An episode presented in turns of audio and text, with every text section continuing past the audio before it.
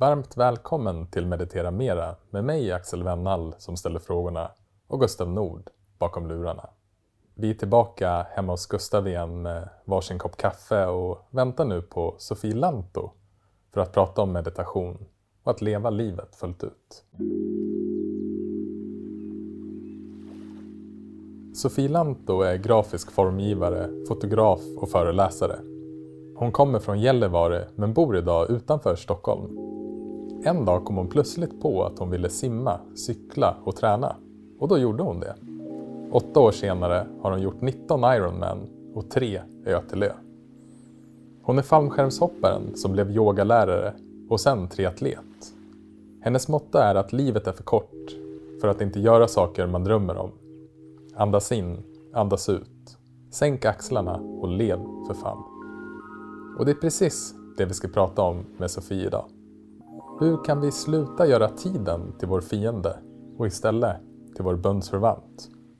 Hur kan meditation hjälpa en som vill hoppa fallskärm eller springa ett triathlon? Vad kan vi lära oss av döden?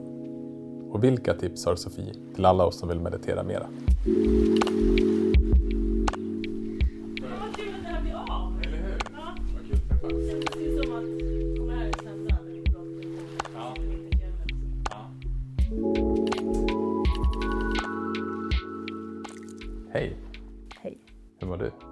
Mycket bra. Hur mår du? Jättebra, det är jättekul att träffas. Mm.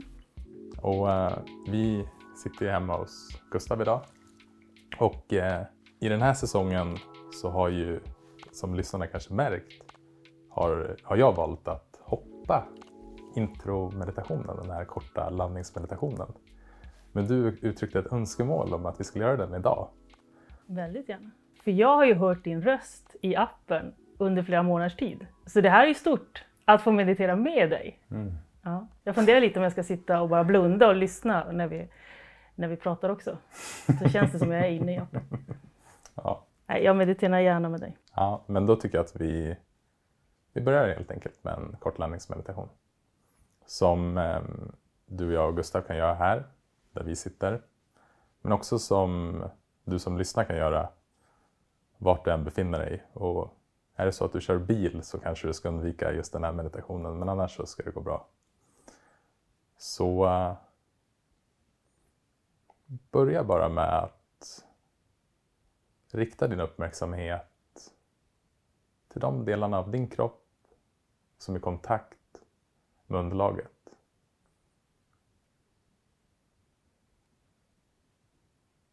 Tillåt dig att uppleva gravitationskraften. Din tyngd. Och din närvaro här.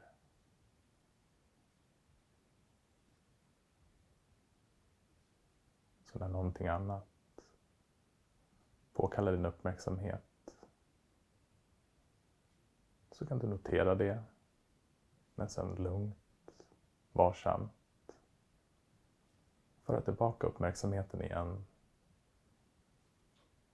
till tyngden, kontakten. Och bara genom att påminna oss om den här kontakten som vi faktiskt har hela tiden så kan vi komma i kontakt med nuet.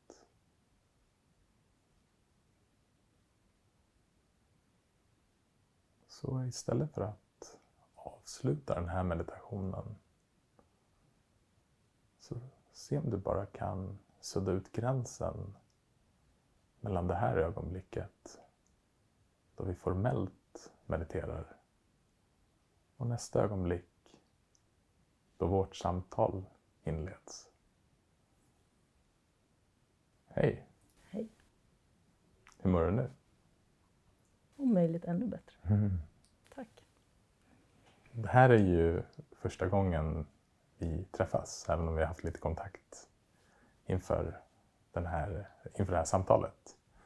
Och eh, jag är jättenyfiken på din bakgrund, för du har ju så många olika bollar i luften och du gör så mycket olika spännande saker.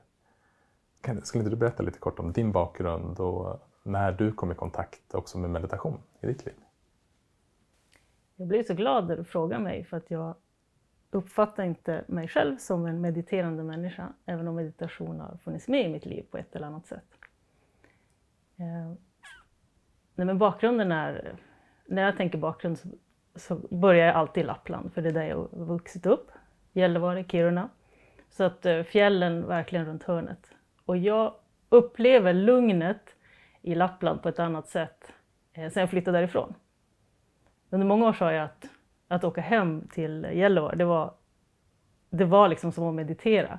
För att vara i Stockholm och gå och bara handla på Coop är en sak. Och sen åker du till Gällivare och ställer dig i kön. Då är det att jag måste bara landa där för att kassörskan ska prata med varje person om hur de mår, hur det är, hur det är med farmor och mormor och grannen. Så att man tar sig ju tid på ett annat sätt, fortfarande tycker jag, uppe i norr. Ehm, ja, bakgrund, mycket skidåkning, Ehm, börja hoppa fallskärm, dyka. Ha, nästan alla år sagt men jag söker, jag är liksom ingen adrenalinsökande människa, men har väl insett att jag ändå söker den där närvaron. Ehm, och kallar det adrenalin eller att få upp pulsen, jag vet inte, men jag älskar den känslan av att vara så fullständigt i nuet. Och det är ju meditation för mig. Du pratar ofta om flow eller hitta den där ja, aktiviteterna som man bara landar i och är här och nu. Mm. Och de aktiviteterna för mig har ju varit fallskärmshoppning, skidåkning, yoga, absolut, men också triathlon, simma och cykla och springa. Eh, så. Bakgrund. Och sen plötsligt så, det känns som plötsligt, fast igår blev det officiellt att mitt andra barn växte om mig. Så jag har ju två barn, mm. eh, man och en räv. Det är en hund som ser ut som en räv. eh, ja. Det ska bli så kul att se vilka bollar du har hittat mm. i mitt liv. Eftersom mm. vi aldrig har sett så aldrig har pratat om min bakgrund innan. Nej. Och var, eh, var var du i ditt liv första gången du började meditera? Ja, fallskärmshoppningen. Jag började hoppa fallskärm när jag var 18 år i Kiruna. Det var jättekallt. Och eh, jag hade haft en dröm hela min uppväxt. Alltså när jag drömde och blev jagad i en dröm, då hoppade jag liksom upp i luften och så simmade jag. Och simmade jag bröstsim så gick det ganska lugnt och smooth. Och simmade jag crawl, alltså frisim, då gick det snabbare. Jag kunde inte simma frisim, så det var inte så. Men i min dröm. Eh, och då ville jag bara se om den där känslan av total frihet, att kunna simma ifrån vem som helst, om den var likadan i verkligheten. Så då gick jag en kurs och det var inte alls likadant. Men jag fastnade för det. Så det har, i det jag har levt, jag har hoppat i 25 år om jag, ungefär. Jag slutade för två, tre år sedan. Eh, inte för att det hände något utan för att jag var lite klar, just nu mm. klar. Men det var där jag började, för att när man tävlar, eller överhuvudtaget när man hoppar fallskärm så handlar det ju om att vara eh, hela tiden vara alert i huvudet, att kunna agera under väldigt stark stress. Så att, eh, framförallt de som började tävla när jag höll på, de mediterade mycket och man yogade mycket för att kunna lugna ner och använda liksom huvudet väldigt skarpt när det väl gällde under de här 60 sekundernas frifall, då man ändå skulle prestera. Dels med kroppen, men också sen kunna dra sin fallskärm och landa på ett bra sätt. Så där, jag kommer ihåg någon, vi var i USA och tränade med coach och då var det så här, nej men nu ska vi, eh, vi ska yoga och så ska vi meditera, för det gör man, punkt. Det bara ösregnade på det här plåttaket på den här hangaren som vi satt i. Och jag bara, ja, det finns något här. Och sen dess har jag liksom, både yoga och meditation har, har varit med mitt genom livet. Sen dess, liksom 18-19 års ålder. Så att, eh, under fallskärmshoppningen använde jag det till att fokusera, att lugna ner, men också kunna plocka upp eh, min energi. Mm. Eh, och sen när man skulle föda barn, det fanns ju inget bättre än att kunna använda sig av andning och huvudet faktiskt när man skulle föda eller överhuvudtaget vara gravid. Och sen pratar vi föräldraskapet, ja men där har vi ju bara varsågod. här har vi både två små livscoacher men också eh, att hela tiden agera i, landa i sig själv. Mm. Ja.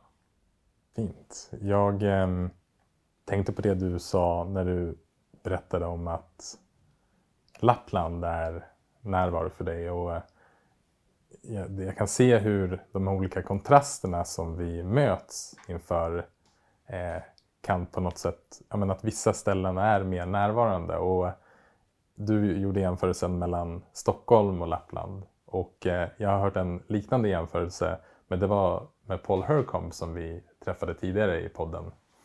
Han är ju från Storbritannien och han brukade alltid säga att ja, men Sverige är den perfekta platsen för meditation. Till och med Arlanda är lugnt.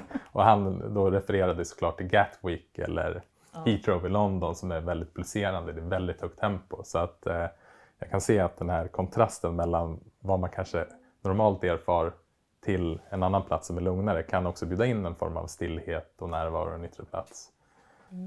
Då kommer vi lite grann in på naturen tycker jag. Mm. Vi, det sista året har ju varit påfrestande för många men något som varit väldigt fint är ju att man har flera hittat ut i naturen. Alltså man har hittat ut till skogen eller fjällen. Eller, och I min värld så är det ju väldigt mycket meditation över det. Där kan vi hamna i diskussion men jag tycker ju att det handlar väldigt mycket om att stilla huvudet. Och om du gör det genom att sätta dig ner och meditera, gå och meditera eller om du är i skogen och bara får tömma eh, på intryck och sen kunna ta in igen. Eh, det tycker jag har sett väldigt mycket hos mina vänner och det gör mig väldigt glad. Fler har kommit ut och det finns något helande där. Verkligen. Och ehm, um, när jag har reflekterat mycket över närvaro så uh, verkar det ju som att vi människor har olika vägar att komma till närvaro.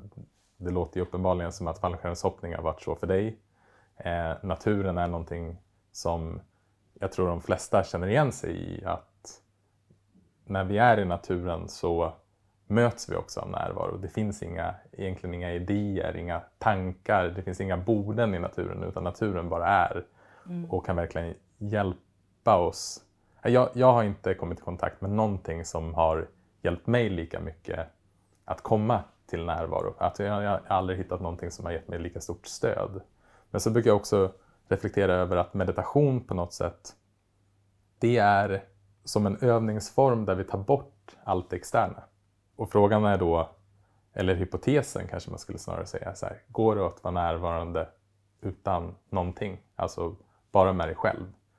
Och det är egentligen det som är övningsformen. För att sen kunna föra med sig den när- närvaron in i alla externa aktiviteter. Och jag vet ju att du skriver själv på din hemsida att du var fallskärmshopparen som blev yogi, som blev triatlet. Så äh, hjälp... och du har ju gjort massa då som... Det är ju mera så här, allt går ihop Ja, såklart. såklart. Ja. Men du har, du har gjort då flera Ironmans, är det så det kallas? Ja, Och äh, Ötelö som också är ett lopp här i Stockholms skärgård, eller hur? ja. Har liksom meditationen hjälpt dig på något sätt där, där det känns som att det handlar om en väldigt både stor fysisk men också mental påfrestning och belastning? Ja men på så många sätt skulle jag vilja säga. Alltså det, fler, flera lager av det där. Det har ju hjälpt mig dels att fokusera innan. Eh, men att vara närvarande i nuet, ibland i sin kropp men ibland nästan ut, eller ibland också utanför sin kropp. Det hjälper mig att föra min kropp framåt.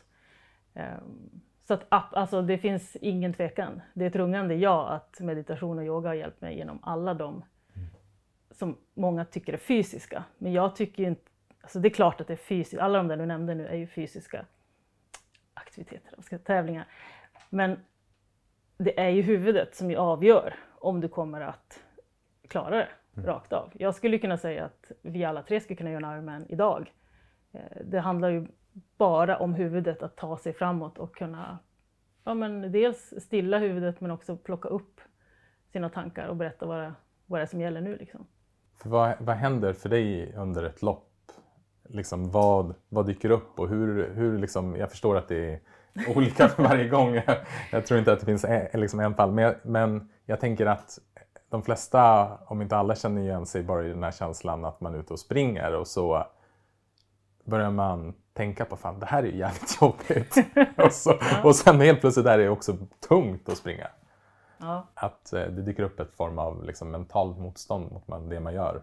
Ja. Ja, men jag, brukar, jag säger alltid att en Ironman, men också en Ironman är ju verkligen så, det är en dag med dig själv. För du simmar ju jättelångt enligt mig. Eh, och då pratar du inte med någon, utan det är bara dina tankar och din andning. Det är ju det enda som försiggår, förutom massa andra som ska försöka skvätta in vatten i, ditt, i din mun och så. Men Eh, och sen cyklingen ska du inte heller, du ska vara 10 meter ifrån närmsta person hela tiden så du kan inte prata med människor då heller. Så då är det ju bara dig själv, så det är ju en lång dag med dig själv. ÖT är en annan sak för där är man två, så då har jag kört mycket med min syster, det kan vi prata om sen. Men Mm. där är man ju två stycken som ska hantera eh, två huvuden och två kroppar. Men det handlar ju väldigt mycket, det går ju precis som du är inne på så är det ju så otroligt lätt att säga åt sig själv att, att det är tungt och att det är jobbigt. Så det är ju ett långt jobb i att hela tiden motivera sig själv, kunna plocka upp en själv från de mörkaste stunder och de ljusaste. Alltså man måste ju hela tiden balansera det här. Och jag tycker så mycket om att vi ska färdas framåt och hela tiden så fundera vad är det min kropp och jag behöver just nu? För man lär ju sig dels hantera tankarna och så vet jag ju också, ja, nu hoppar jag in på ett annat spår, men jag har en kompis som heter Greger, han har gjort 30 Ironman på 30 dagar. Alltså 30 gånger på raken så klev han upp på morgonen, så simmade han 3860 meter och sen cyklade han 18 mil och så sprang han ett maraton 4,2 mil. Och jag vet att jag frågade honom så här, men hur- alltså Greger, hur, 17, hur orkar du liksom springa dag 25? Och han bara, äh, du vet, eh, har jag fått i mig energi, då vet jag att det är huvudet. För, för att eh, antingen så är det energi eller så är det huvudet. Så att jag ser bara till att få in i mig energi, då vet jag att det är huvudet och då är det ju bara att fortsätta. Och det finns något väldigt lätt, alltså något skönt i det tankesättet. Det är klart det finns tusen andra parametrar man kan gå sönder och hej och hå, men han, han, eh, han tycker att det, det är liksom bara att köra på för att... Och, och då är det så här, ska jag välja att tömma på, huvudet på tankar och egentligen bara sätta hjärnan i en, i, ja, en hink med iskallt vatten och bara köra på. Alltså tömma, det är ju meditation i, i bemärkelsen av att jag, jag bara väljer att inte tänka på, eh, Eh, på där jag är just nu. Eller ska jag gå helt in i upplevelsen och bara vara här och nu och känna varenda steg och varenda... Eh, hur känns sockret jag sätter i mig liksom genom strupen? Det är två olika saker. Jag kan tycka om båda och jag varierar väldigt mycket under en dag att göra både och. Så under när jag springer de här eh, loppet så jag, dels så är jag verkligen här och nu och njuter av naturen och intrycken. Eh, men jag kan också plocka ut huvudet lite grann och bara så här, antingen bara vara tomt och fortsätta framåt eller att jag ser min målgång om och om igen som en film i huvudet. Exakt vad jag ska göra, vad ska jag äta, vad ska jag Ska jag få massage före jag äter pizza eller ska jag få massage efter? Vilken öl ska jag dricka? Alltså, sen gör jag ju inget av det, utan när man kommer i mål då går man på känslan ändå. Men det hjälper mig framåt i stunden. Och det är sådana små mind games man får hålla på med eh, sådana här dagar. För det, det handlar liksom om en hel dag du ska prata med dig själv. Är det enklare att göra det andra loppet som du beskrev, ÖTÖ, när man gör det tillsammans, när man gör det ihop? Eller finns det andra ut, mentala utmaningar då? Oh, det är både på gott och ont. Det är ju det bästa som finns. Eh, jag har gjort det eh, tre, just den tävlingen tre gånger. Första gången var med en, en vän som heter Ola. Eh, och efter den tävlingen då sa jag så här, jag kan göra det här loppet med vem som helst utom min syster. Alla bara, vadå? Jag bara, ja men hon känner mig alldeles för väl. Så att när hon säger så ja men kom igen nu Sofie, du, du ser stark ut. Jag hör ju på hennes röst att hon inte menar det. Jag ser ju helt för jävlig ut och jag ser ju jättetrött ut. Eh, men så, någonting gjorde att vi ändå anmälde oss och då blev det ju upphöjt till 10. För att få göra det med sin absolut bästa vän och någon som känner en så väl, det blev ju något helt annat. Dels får man dela den här upplevelsen, för jag tycker det är ju roligare. Men det är inte bara min energi och mina tankar som jag ska ta hand om, precis som du är inne på, utan man, jag är inte ansvarig för henne, men jag är ansvarig för att göra det jag kan för att hjälpa henne framåt. Så vi har ju sådana grejer som, apropå det här med, är det inte energi så är det huvudet, så har vi ju regler för att när vi kör tävlingar ihop får jag aldrig säga nej när hon ger mig energi. För att hon läser av mig så mycket snabbare än jag ens hinner tänka. Så när hon ser att nu dippar Sofie, hon blev tyst eller eh, det går inte riktigt lika fort. Om hon ger mig en gel som man ofta äter då, för att det är enkelt att ha med sig, då måste jag äta upp den. Eh, och det är det energi och huvud som vi bara har lärt oss att vi måste få i oss energi för då kommer vi kunna fortsätta. Och sen handlar det ju väldigt mycket om att, om att hantera huvudet. Alltså hitta det positiva, påminna varann om utsikten, om hur stark den andra är och hur stark vi är tillsammans, om knäppa situationer man har varit med om. Vi drar skämt, vi berättar saker som inte den andra vet. Bara, nu har jag väntat för jag visste att jag har den här i bakfickan, Den- nu ska jag berätta det här för dig. Så att jag har fått reda på saker om henne eh, under lopp som hon bara, jag, jag väntade med att berätta det här åt dig för jag tänkte att den här kommer göra att du springer lite snabbare. Jag bara, Okej, tack. Så ja, väldigt roligt, väldigt utmanande och ja, jag skulle inte vilja vara utan det.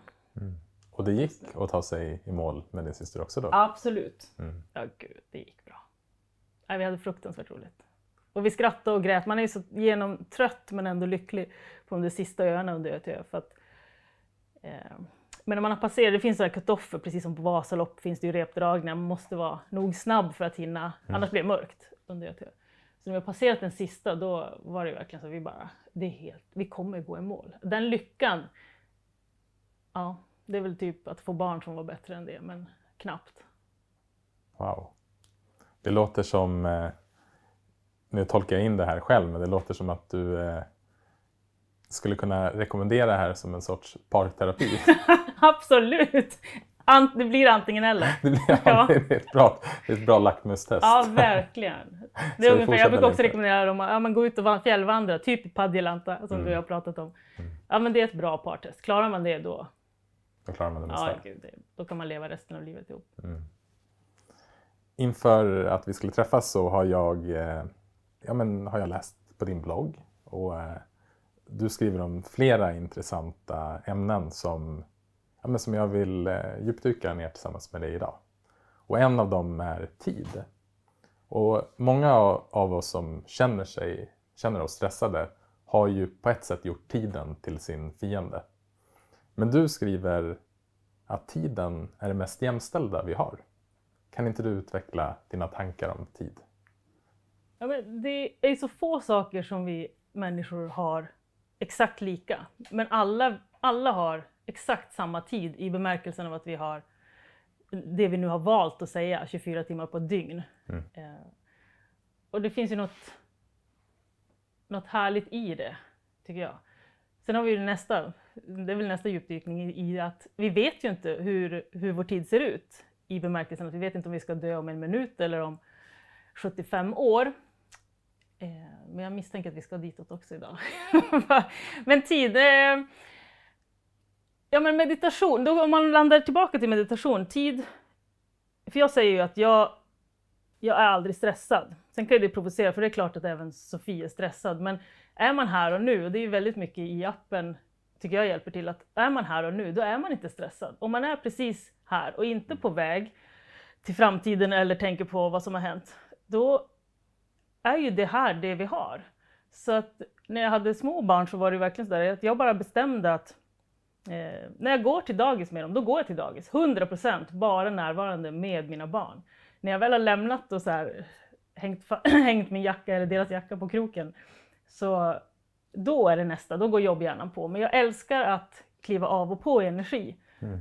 Eh, så att jag hanterar ju min tid så att eh, man prioriterar såklart vad är det som är viktigt hela tiden. Och där har ju fallskärmshoppningen hjälpt mig väldigt mycket. Det blir så häftigt med tid, tid tycker jag att en minut, alltså 60 sekunder frifall är ju en sak. 60 sekunder under ett armenlopp det är ju samma sak fast ändå inte alls. 60 sekunder när du föder barn är exakt samma sekunder men en helt annan upplevelse. Och har man någon gång, har man väl landat i att en sekund är en sekund, vad ska jag använda den till? Så, så tycker jag att man kan hitta sätt att hantera sin tid och välja och prioritera. Sen var det någon, eh, för varje, i början av varje år så brukar jag, jag gör det någon gång om året, men framförallt i början av varje år, det delar jag med mig på bloggen, så brukar jag så här, vad är det jag vill göra det här året och hur ser den hur ser en vardag ut? Hur ser en eh, drömdag ut och hur, ser, hur skulle jag vilja att min vardag ser ut? Alltså jag gör lite olika övningar, så här, vad gör jag av min tid? Och då var det nu i, i nyår så var det någon som skrev att hon blev så otroligt provocerad av att jag sa att tiden var jämställd. För hon har ett sjukt barn och hon kan inte hon kan inte bestämma över sin tid för att det är den här människan som sätter reglerna och hon vet inte vad som händer. Men hon hade ändå landat i att hon måste prioritera sig själv för att kunna ge energi till Mm. det här barnet. Och det, vi hade en intressant diskussion, men det är så häftigt det här. Nu får du stoppa mig för jag kan gå igång på det här. Som bara, det är så häftigt med tid just att vilka glasögon har du på dig? Och vad, hur, hur ser din tid ut? Vad är en kvart för dig? Och vad, vad ska du använda den till? Eh, Och att det kan provocera vissa att säga att man inte är stressad och andra tycker att det är självklart. Vad har du för tankar om tid? Ja, men först och främst så eh, blir jag inspirerad av det du beskriver hur du hanterar din vardag. Att verkligen kunna göra en sak i taget. För det är ju ganska uppenbart att vi, vi människor, vi förmår egentligen bara göra en sak i taget. Vår hjärna är egentligen bara kapabel att göra en sak i taget. Men trots det så eh, gör vi inte det och jag är definitivt en av dem som eh, men liksom, och det är därför jag ser meditationens stora värde är att kunna få tillbaka mig till den upplevelsen att nu när vi träffas här ska inte jag sitta och tänka på allting annat som jag behöver lösa sen utan ja, men att eh, även om de tankarna ploppar upp att kunna rikta tillbaka uppmärksamheten. Och det andra som jag blir liksom inspirerad av att du beskriver, det låter som att du är väldigt, du gör väldigt mycket medvetna val. Vad, vad vill jag göra? Vad behöver jag? Att kunna ställa sig de här två frågorna är ju verkligen nycklar för att kunna leva ett lyckligare liv. Att bli mer medveten om att se vad som ger en energi, vad som tar energi. Och sen är det ju så att mina tankar kring tid är att ja, men det var någonting som resonerade väldigt mycket när du skrev att tiden är jämställd, för tiden är jämställd. Vi har alla lika mycket tid. Men sen ser livet annorlunda ut för oss allihopa. Vi har olika saker som kräver vår uppmärksamhet och tid. Och tid är ju också det viktigaste vi har. Och jag tyckte det var väldigt fint att höra att den personen som du hade diskuterat med, att hon hade kommit i kontakt med att livet kräver att jag behöver ge mycket uppmärksamhet till min son. Men för att jag ska kunna göra det så behöver jag också ta hand om mig själv. Mm. På något sätt så är ju det det vi ger vår tid åt och det vi ger vår uppmärksamhet åt är det också det som vi prioriterar i livet. Vi kan tänka att vi prioriterar på någonting annat. Men det vi faktiskt gör är ju faktiskt det vi prioriterar. Så att börja bli lite medveten om hur vi spenderar vår tid. Eh, vad vi har vår uppmärksamhet när vi spenderar vår tid. Ser jag som på något sätt nycklar till att leva ett medvetet och närvarande liv. Och jag stöter ju på ganska ofta den, den kanske den mest, mest vanliga frågan jag får när jag är ute och pratar om meditation och föreläser är hur ska jag hitta tid till att meditera? Hur, eller den brukar annars kunna ställas som hur ska jag få in vanan att meditera? Och eh, det, det är inte helt lätt att skapa vanor. Men vi har ju samtidigt, det finns tid för det för alla. För att i, i, liksom, i det här ögonblicket när någon går och lyssnar på podden så kan det vara en meditation. Om du gör det med liksom full uppmärksamhet. Om du vänder tillbaka uppmärksamheten när du märker att du har försvunnit iväg. Om du tillåter allt att vara precis som det är. Vilket innebär alla känslor som kanske dyker upp i det här samtalet.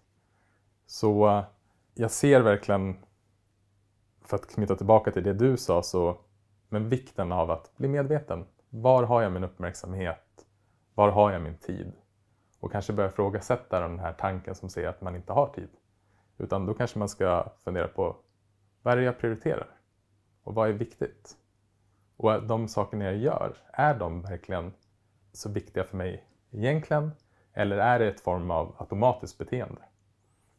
Som har blivit inbyggt någonstans under mitt liv. Så vad rekommenderar du rent konkret när någon ställer den frågan? Hur ska jag få in, jag har inte tid för meditation. Mm. För jag får ju ofta den, jag har inte tid att träna, jag har inte tid att... Du pratar om prioriteringar, men har du något, något knep som du brukar dela med dig av Mm. för att man ska få in det? Ja, men det första är att undersöka om det är det du vill prioritera. Mm.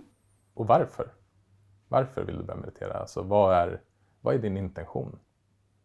Och när man börjar undersöka den frågan så brukar jag också be människor, eller bjuda in människor till att fundera ett varv till. Okej, men om du tar dig den här tiden att meditera, vad kan det ha för påverkan på människorna i ditt liv? Så att intentionen, intentionen kommer från en själv, men att man också kanske kan förstå den i ett större perspektiv. Att, för jag har, jag har själv inte fått någon... Det är liksom den starkaste energin jag har fått av att ta mig själv tid att meditera är att jag märker att jag är betydligt snällare, schysstare, roligare, jag klagar mindre. Liksom, jag, jag, är mer liksom mig själv när jag mediterar. Jag är mindre reaktiv. Jag kan vara mer närvarande, jag lyssnar bättre. Och eh, att kunna få vara på den platsen snarare än på en stressad plats. En, en plats där allting är ett problem eller ses som ett problem eller där jag klagar mycket och där jag på något sätt inte berikar de människornas liv som jag har omkring mig. Det, det för mig har också gett väldigt mycket motivation. Men vad, vad brukar Men du ditt, säga? nej men jag, jag tänkte, du sa något otroligt viktigt tycker jag och det är det där varför. Mm. Alltså att, för att även om jag älskar meditation och du älskar meditation så jag tvingar aldrig på det på någon. Och det, eh, man måste hitta sitt varför och det gäller ju vad det än gäller. Alltså, så länge du inte hittar ditt varför kommer du aldrig att prioritera det. Så att när jag pratar om, det kan ju vara allt från företagsidéer till att man vill göra en Ironman eller någonting. Du måste ju hitta ditt varför. Mm. Du kan inte, i min värld så, man lyckas aldrig när man tänker sig jag ska springa Tjejmilen för att grannen tycker att det är en bra idé. Ja men det är inte ditt varför. Så man måste ju hitta sitt varför i sig. Som, och det där varför ska ju få en att få ett leende. Vare sig det var en skönare person för sig själv och sin omgivning eller eh, att lyckas med att springa milen på 40 minuter. I don't know. Men eh, sitt varför. Mm. Och jag tycker, den kan man ju ofta hitta genom att hitta lugnet. Meditation eller vilket sätt du väljer. Liksom. Du menar att man kan hitta sitt varför när man tar sig tid till att Ja. meditera? Ja, Mm. exakt. Lappland har ju många gånger varit så här, mitt sätt att landa. Så att om jag haft, det bara spinner, jag har så sjukt mycket grejer som är på gång. Eh, så jag märker att nej men det här, det här är inte helt sunt. Så försöker jag alltid bara få en, en resa dit upp. Och, eh, för att när jag tömmer, och det är, meditation är samma sak, så jag tycker det är häftigt att kunna hitta det i min Stockholms vardag. Jag kan få den här tomma hjärnan, där idéerna bara kommer. Så att få tömma ibland för att kunna fylla på med energi, med idéer. Jag behöver den och jag, jag tycker all, i min värld behöver alla den för att må riktigt, riktigt bra. Men hur man hittar det är en annan sak. Min syster, hon jag springer de här loppen med, hon, hon, säger, hon, hon hatar yoga. Hon tycker att medit- meditation är helt jävla värdelöst.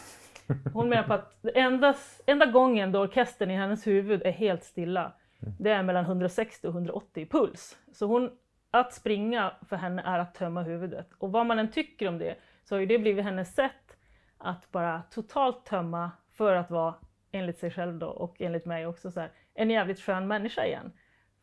Gentemot sig själv men också sin familj. Hon har också två barn som är mindre än mina. Så det händer ju mycket hela tiden. Eh, så hon har bara lärt sig att jag måste få den där pausen från orkestern i mitt huvud eh, i princip varje dag för att då fungerar mitt liv jätte, jättebra. Och whatever makes you happy känner jag. Mm, verkligen. Gör det! Prioritera Verkligen. det bara.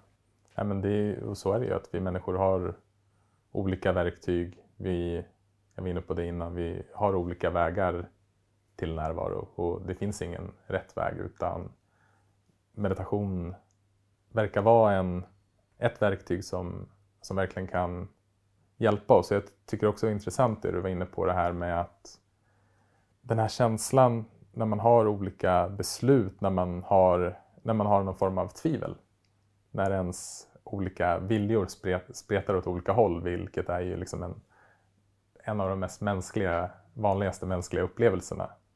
Vad ska jag göra här? Och eh, det är intressant att där jag kanske tidigare i livet gjorde massa olika rationella plus och minuslistor och försökte liksom tänka mig fram till lösningen.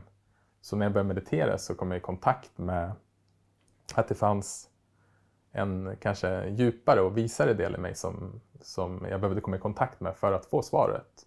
Och det skulle man kunna kalla att jag kommer i kontakt med mig själv istället för egot, istället för tankarna. Men att, att det finns en resonans i ens beslut där det bara känns ja, självklart på ett sätt. Eller där man, Är det rätt så är det lätt. Alltså det finns ju något härligt i det.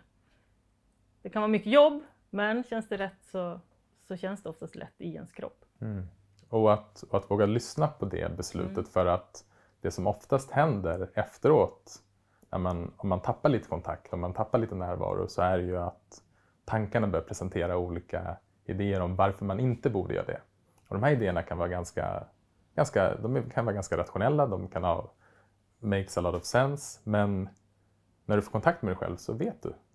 Men det är, ju ett, det är ju ett jobb som, eller jobb, men det är ju någonting man kommer jobba med hela sitt liv. För Verkligen. jag tänker så här, nu, ah, nu har jag landat i det här, jag går på magkänsla, det här känns rätt och nu strävar jag mot det här.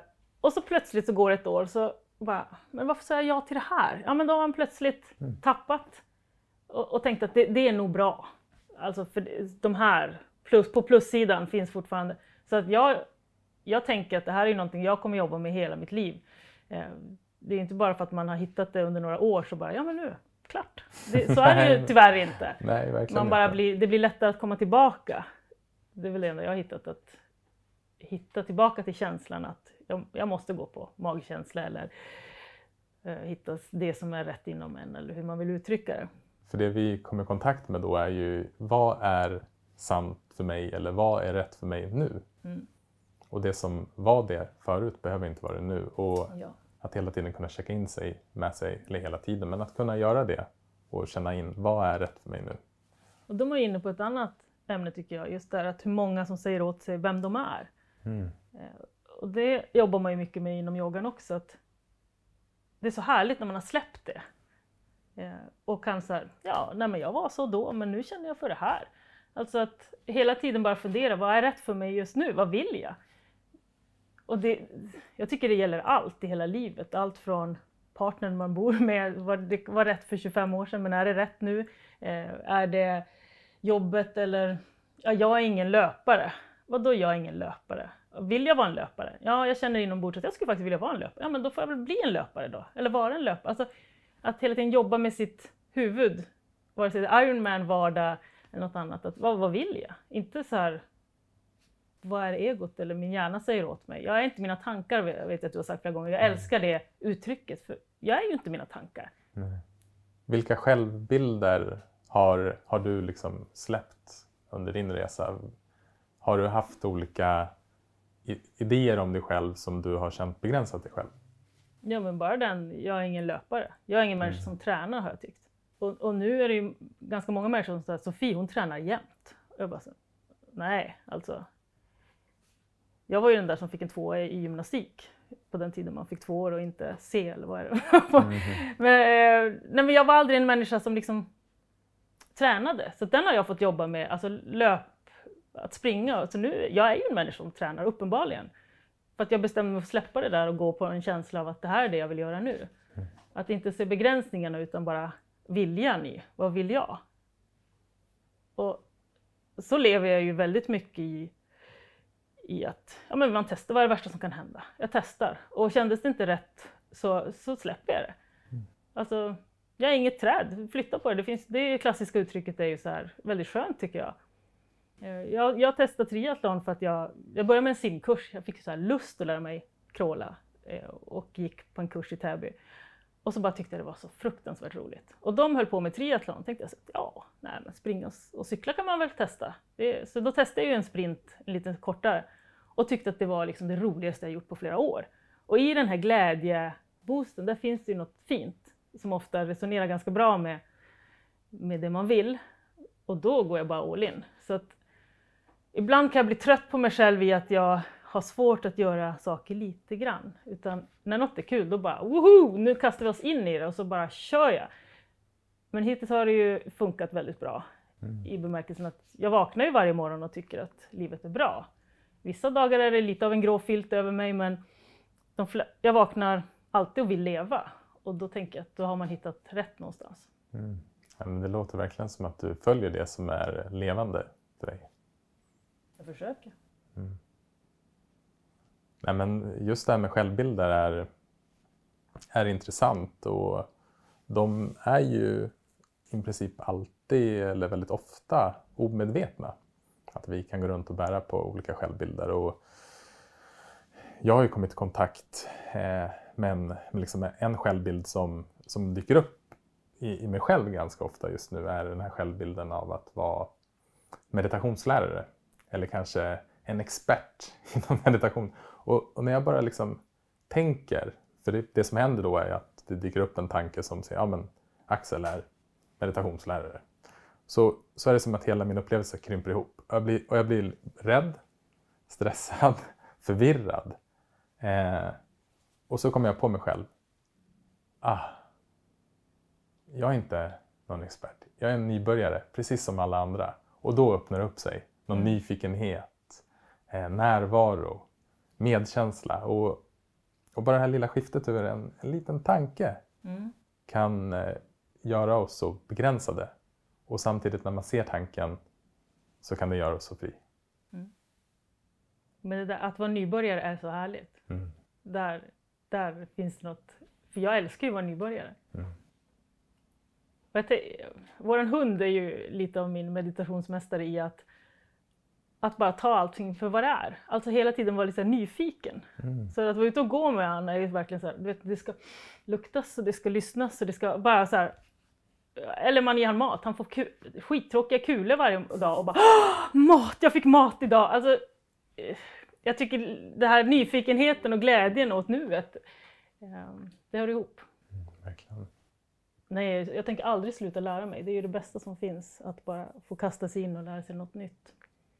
Du eh, har eh, också skrivit på din blogg en, en annan sak som jag ville plocka upp. Du skrev att du, du ville önska att alla tog en dag då de eh, bara sa och tänkte positiva saker.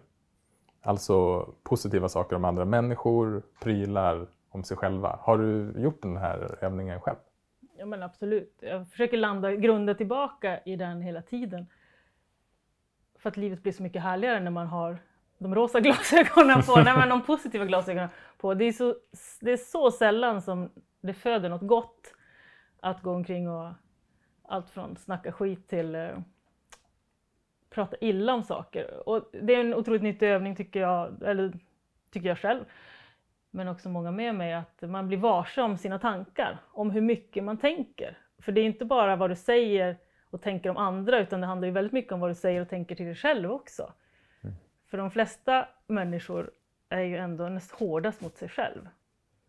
Eh, och man tänker att bara om och om igen så hade jag sagt det här till min bästa kompis? Nej, det hade jag inte sagt. Varför säger jag det till mig själv då? Eh, bara notera hela tiden och, och försöka jobba mot det positiva tycker jag gör att mitt liv blir bättre. Men det är alltså de här små, små sakerna. Nu åker man inte så mycket buss, men att kliva på bussen och säga hej och ge ett leende. Och kan man hitta något positivt, allt från att de kör bra till att de har en jävligt snygg skjorta på sig. Alltså de där små grejerna kan ju göra någon annans dag och det kostar mig ingenting. Så att jag vill ju vara en positiv kraft i världen.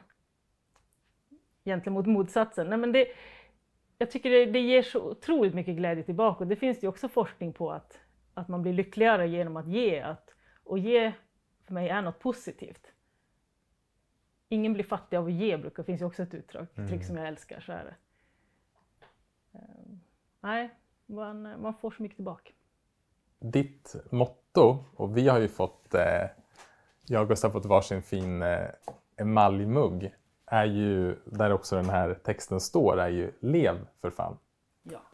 Och eh, det är ju, som jag har förstått det, en påminnelse som du har om att vi alla kommer dö en dag. Och jag skulle gärna vilja prata om döden med dig. Vad, vilken relation du har till döden och kanske hur den hjälper dig att vara närvarande. Det verkar som att vi människor har olika relation till just till döden. Att för vissa människor är det väldigt skrämmande och för andra människor så är det väldigt levande. Mm. Hur, hur tänker du och hur använder du döden för att kunna leva för fan? Men, det är en så stark påminnelse om att vi har en begränsad tid och som vi inte ens vet hur lång den är. Så att när man påminner människor och mig själv om döden så, så blir jag väldigt närvarande och vill göra mycket saker. Alltså jag vill, inte, jag vill ju uppmana till att man, man tar det krispiga andetaget och gör, inte väntar. För att vänta, jag ska göra det där till helgen, jag ska göra det till, på semestern, jag ska göra det när jag får pension. Varför? Alltså vi vet inte om vi har den tiden.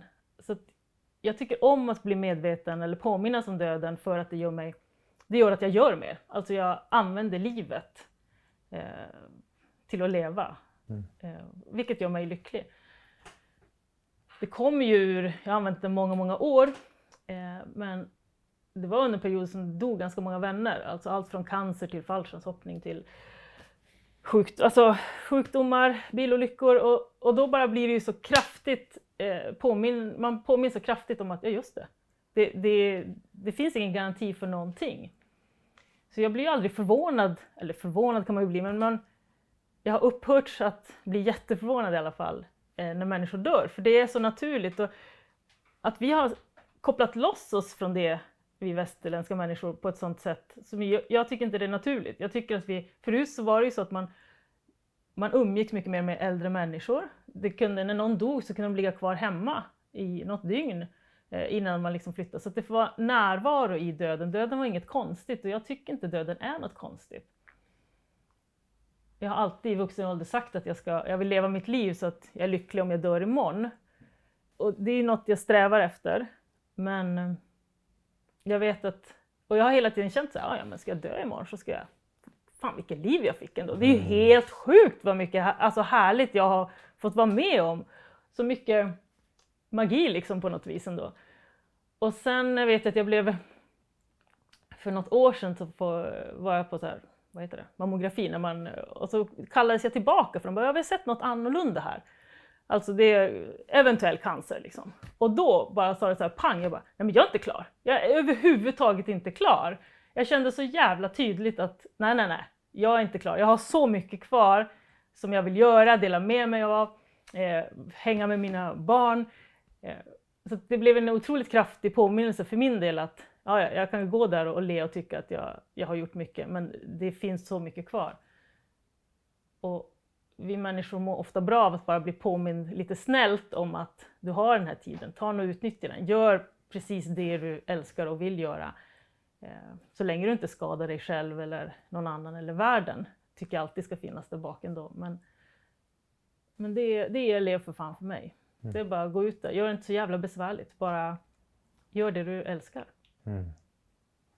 Ja, men, ehm, som du säkert misstänker så eh, gör döden mig också väldigt närvarande. Eller rättare sagt tanken på att vi inte vet hur länge vi kommer leva. Det finns nog ingen tanke som får mig att vakna upp och bli lika alert och vaken och, och också komma i kontakt med vad som är viktigt. För min upplevelse är också att när jag tänker på döden och att oavsett vad vi gör i livet så kanske det här är sista gången vi gör det. Så blir det omöjligt att säga ett hårt ord till, till min fru. Det blir omöjligt att inte säga jag älskar dig till dem som jag älskar. Eller att ge ett leende till busschauffören. Eller att våga följa det som känns levande även om det känns läskigt. För vad har man att förlora? Och ehm, just det, du sa vänta inte. Det finns någonting att, liksom, det finns en djup visdom i det som jag själv verkligen vill och behöver påminna mig om för att den, eh, den får mig att leva mitt liv i liksom autenticitet. Att jag lever mitt liv så som jag verkligen, verkligen vill leva det. Och jag tycker att eh, det är en så fin eh, påminnelse. Att man kan använda det som är oundvikligt i det här livet vi har. Att det vi enda vet är att vi alla ska dö. Och vad som händer sen. Mm. Det är också härligt att vi inte vet. Det finns ingen som kan säga. Får tro vad du vill, men du vet inte. Nej. Är inte det fint att när det just kommer till döden så vi har alla lika mycket okunskap om vad det är. Och sen finns det såklart goda eller sämre anledningar att tro på någonting. Vad, vad liksom, har du några tankar eller har du några, liksom, tror du på någonting efter döden? Jag vill, jag vill snarare tro. För jag tycker det är något sånt härligt i att, att det finns massa gamla själar. Och om det är om det är en själ eller om det är något annat, det vet vi ju inte. Men jag, jag tycker så otroligt mycket om tanken att vi är något utöver det vi är här precis här och nu. Eh, Och jag tycker ju att man känner det. Så jag väljer ju att tro att det finns någonting annat efter det här. Vad det är. Men jag väljer att tro att det är så. Jag väljer att tro att, att det är nog väldigt härligt. Vad tror du? Jag kommit underfund att jag är inte jag är inte så intresserad av det som jag behöver tro på. Just det här ögonblicket tillsammans med dig kan jag uppleva.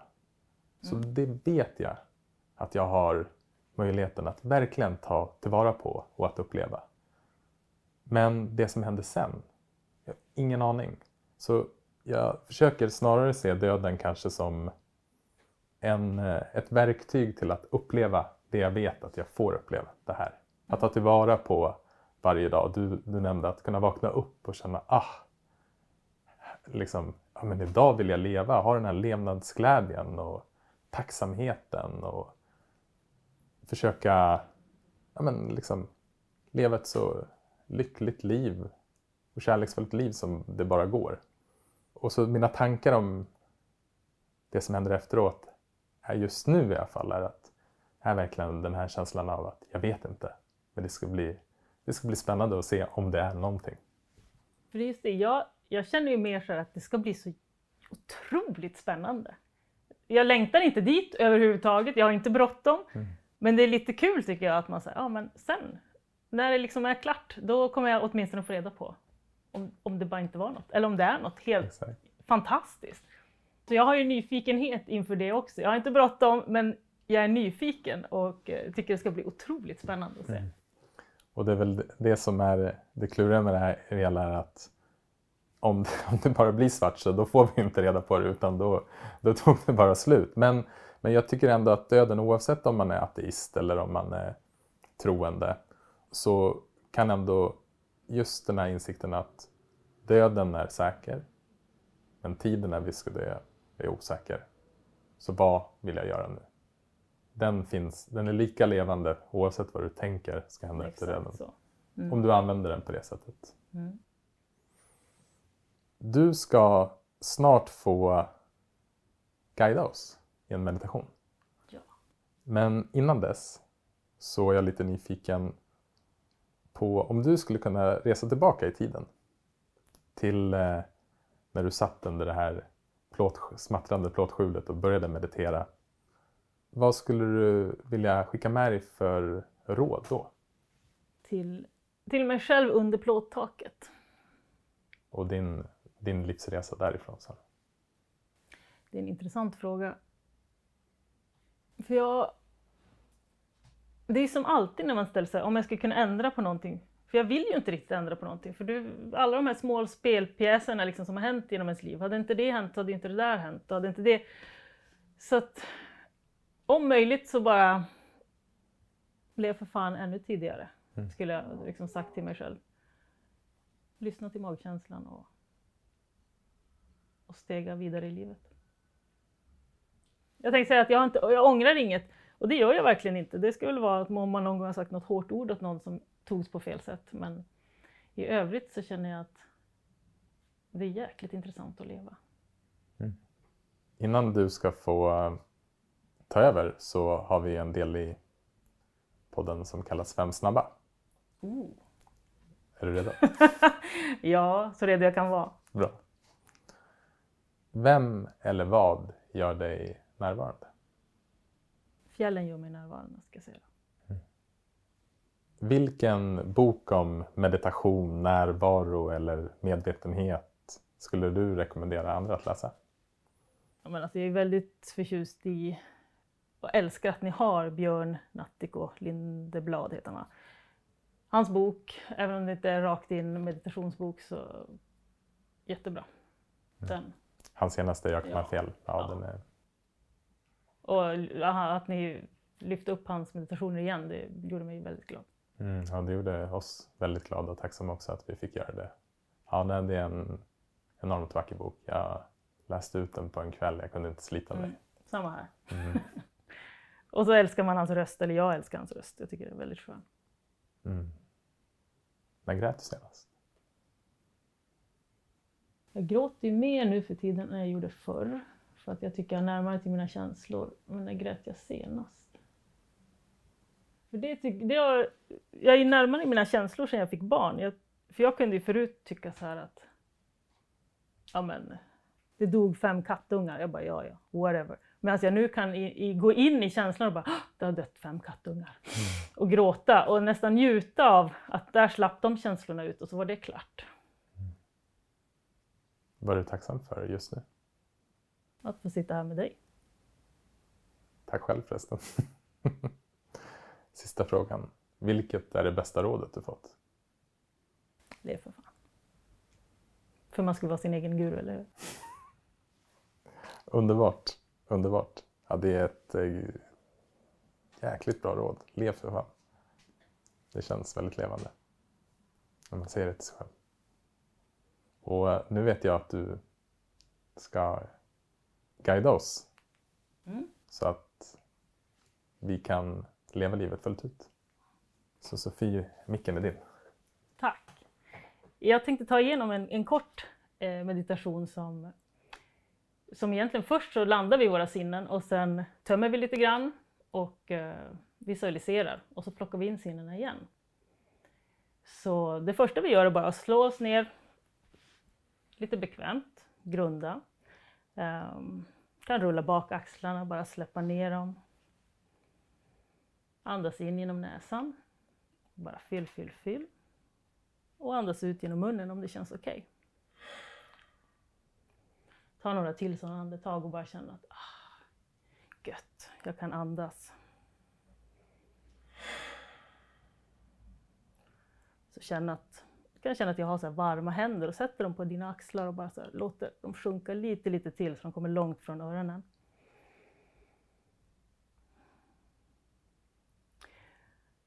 Och man får jättegärna blunda redan nu, men annars så kan man ta och titta, vad är det man ser för någonting? Bara ta in så här, ögonen, vad är det ni tittar på? Annars får ni se något framför er. Kör man bil så stänger man ju såklart inte ögonen. Om man sitter där. Är man ute och går så fortsätter man ha ögonen öppna.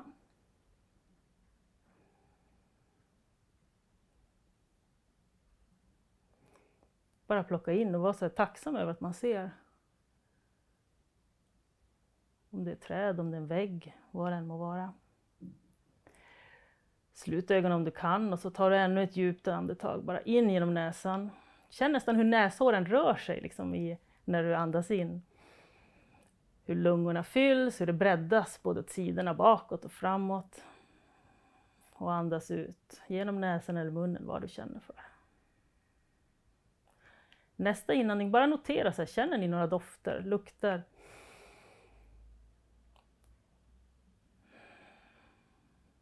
Ingen värdering utan mer lite grann som en hund, här, lite nyfiken. Notera.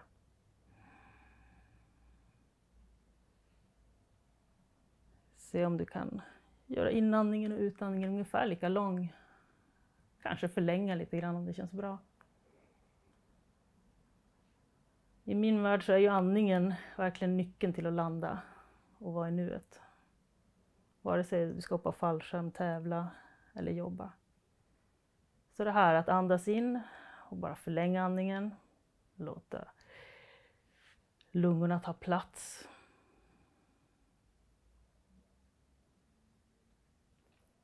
Vi går ner i munnen och bara funderar så här, känner du någon smak? Även här, så här, notera inte utan tänk lite som en hund även här. Så här, inte gott eller dåligt utan jaha. Kan dra tungan på insidan av framtänderna i gommen. Bara känna känslan av det. Var du än har händerna så rör tumme och pekfinger lite grann mot varandra eller det som närmast liksom kommer åt. Bara rör fingrarna lite, lite grann. Känslan av att vi faktiskt känner. Och sista, ta in vad är det du hör? Förutom min röst, vad finns det mer? Fåglar, träd, bilar. Nu också, bara notera. Ta in och släpp.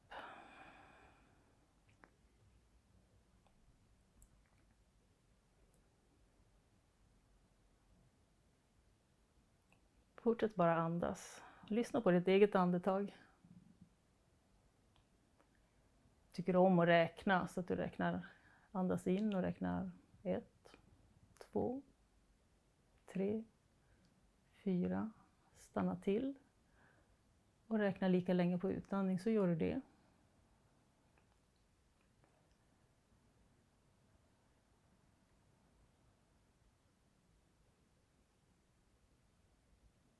Låt kroppen vara tung.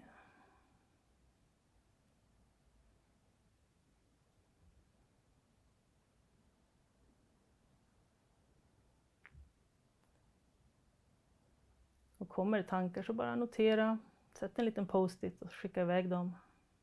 Kom tillbaka till andetaget.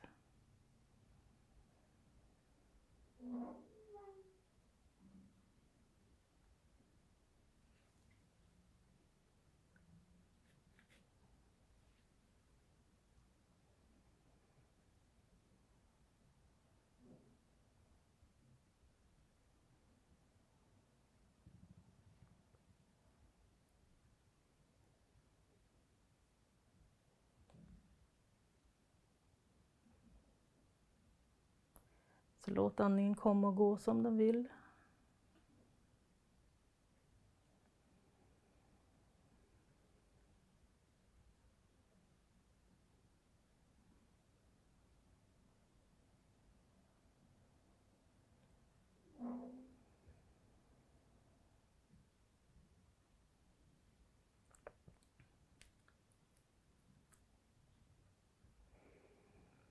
Se om du bara kan tömma hjärnan.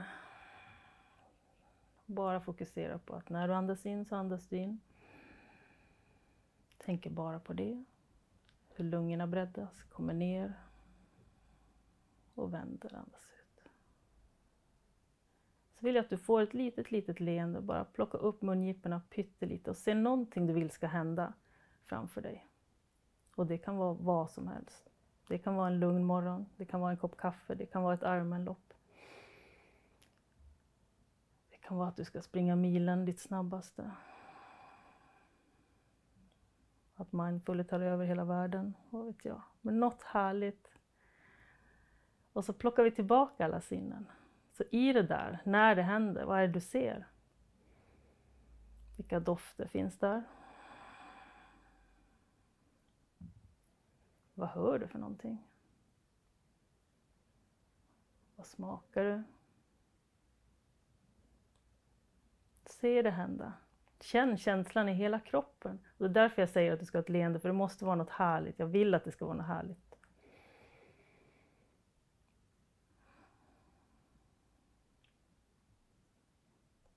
Skulle det nu smyga in något konstigt, något fel, något som inte var perfekt, så bara släpp det. Börja om. Ta ett extra djupt andetag och bara mm, se det där härliga framför dig en gång till. Och när du har hittat den känslan, då kan du börja röra på fingrar och tår.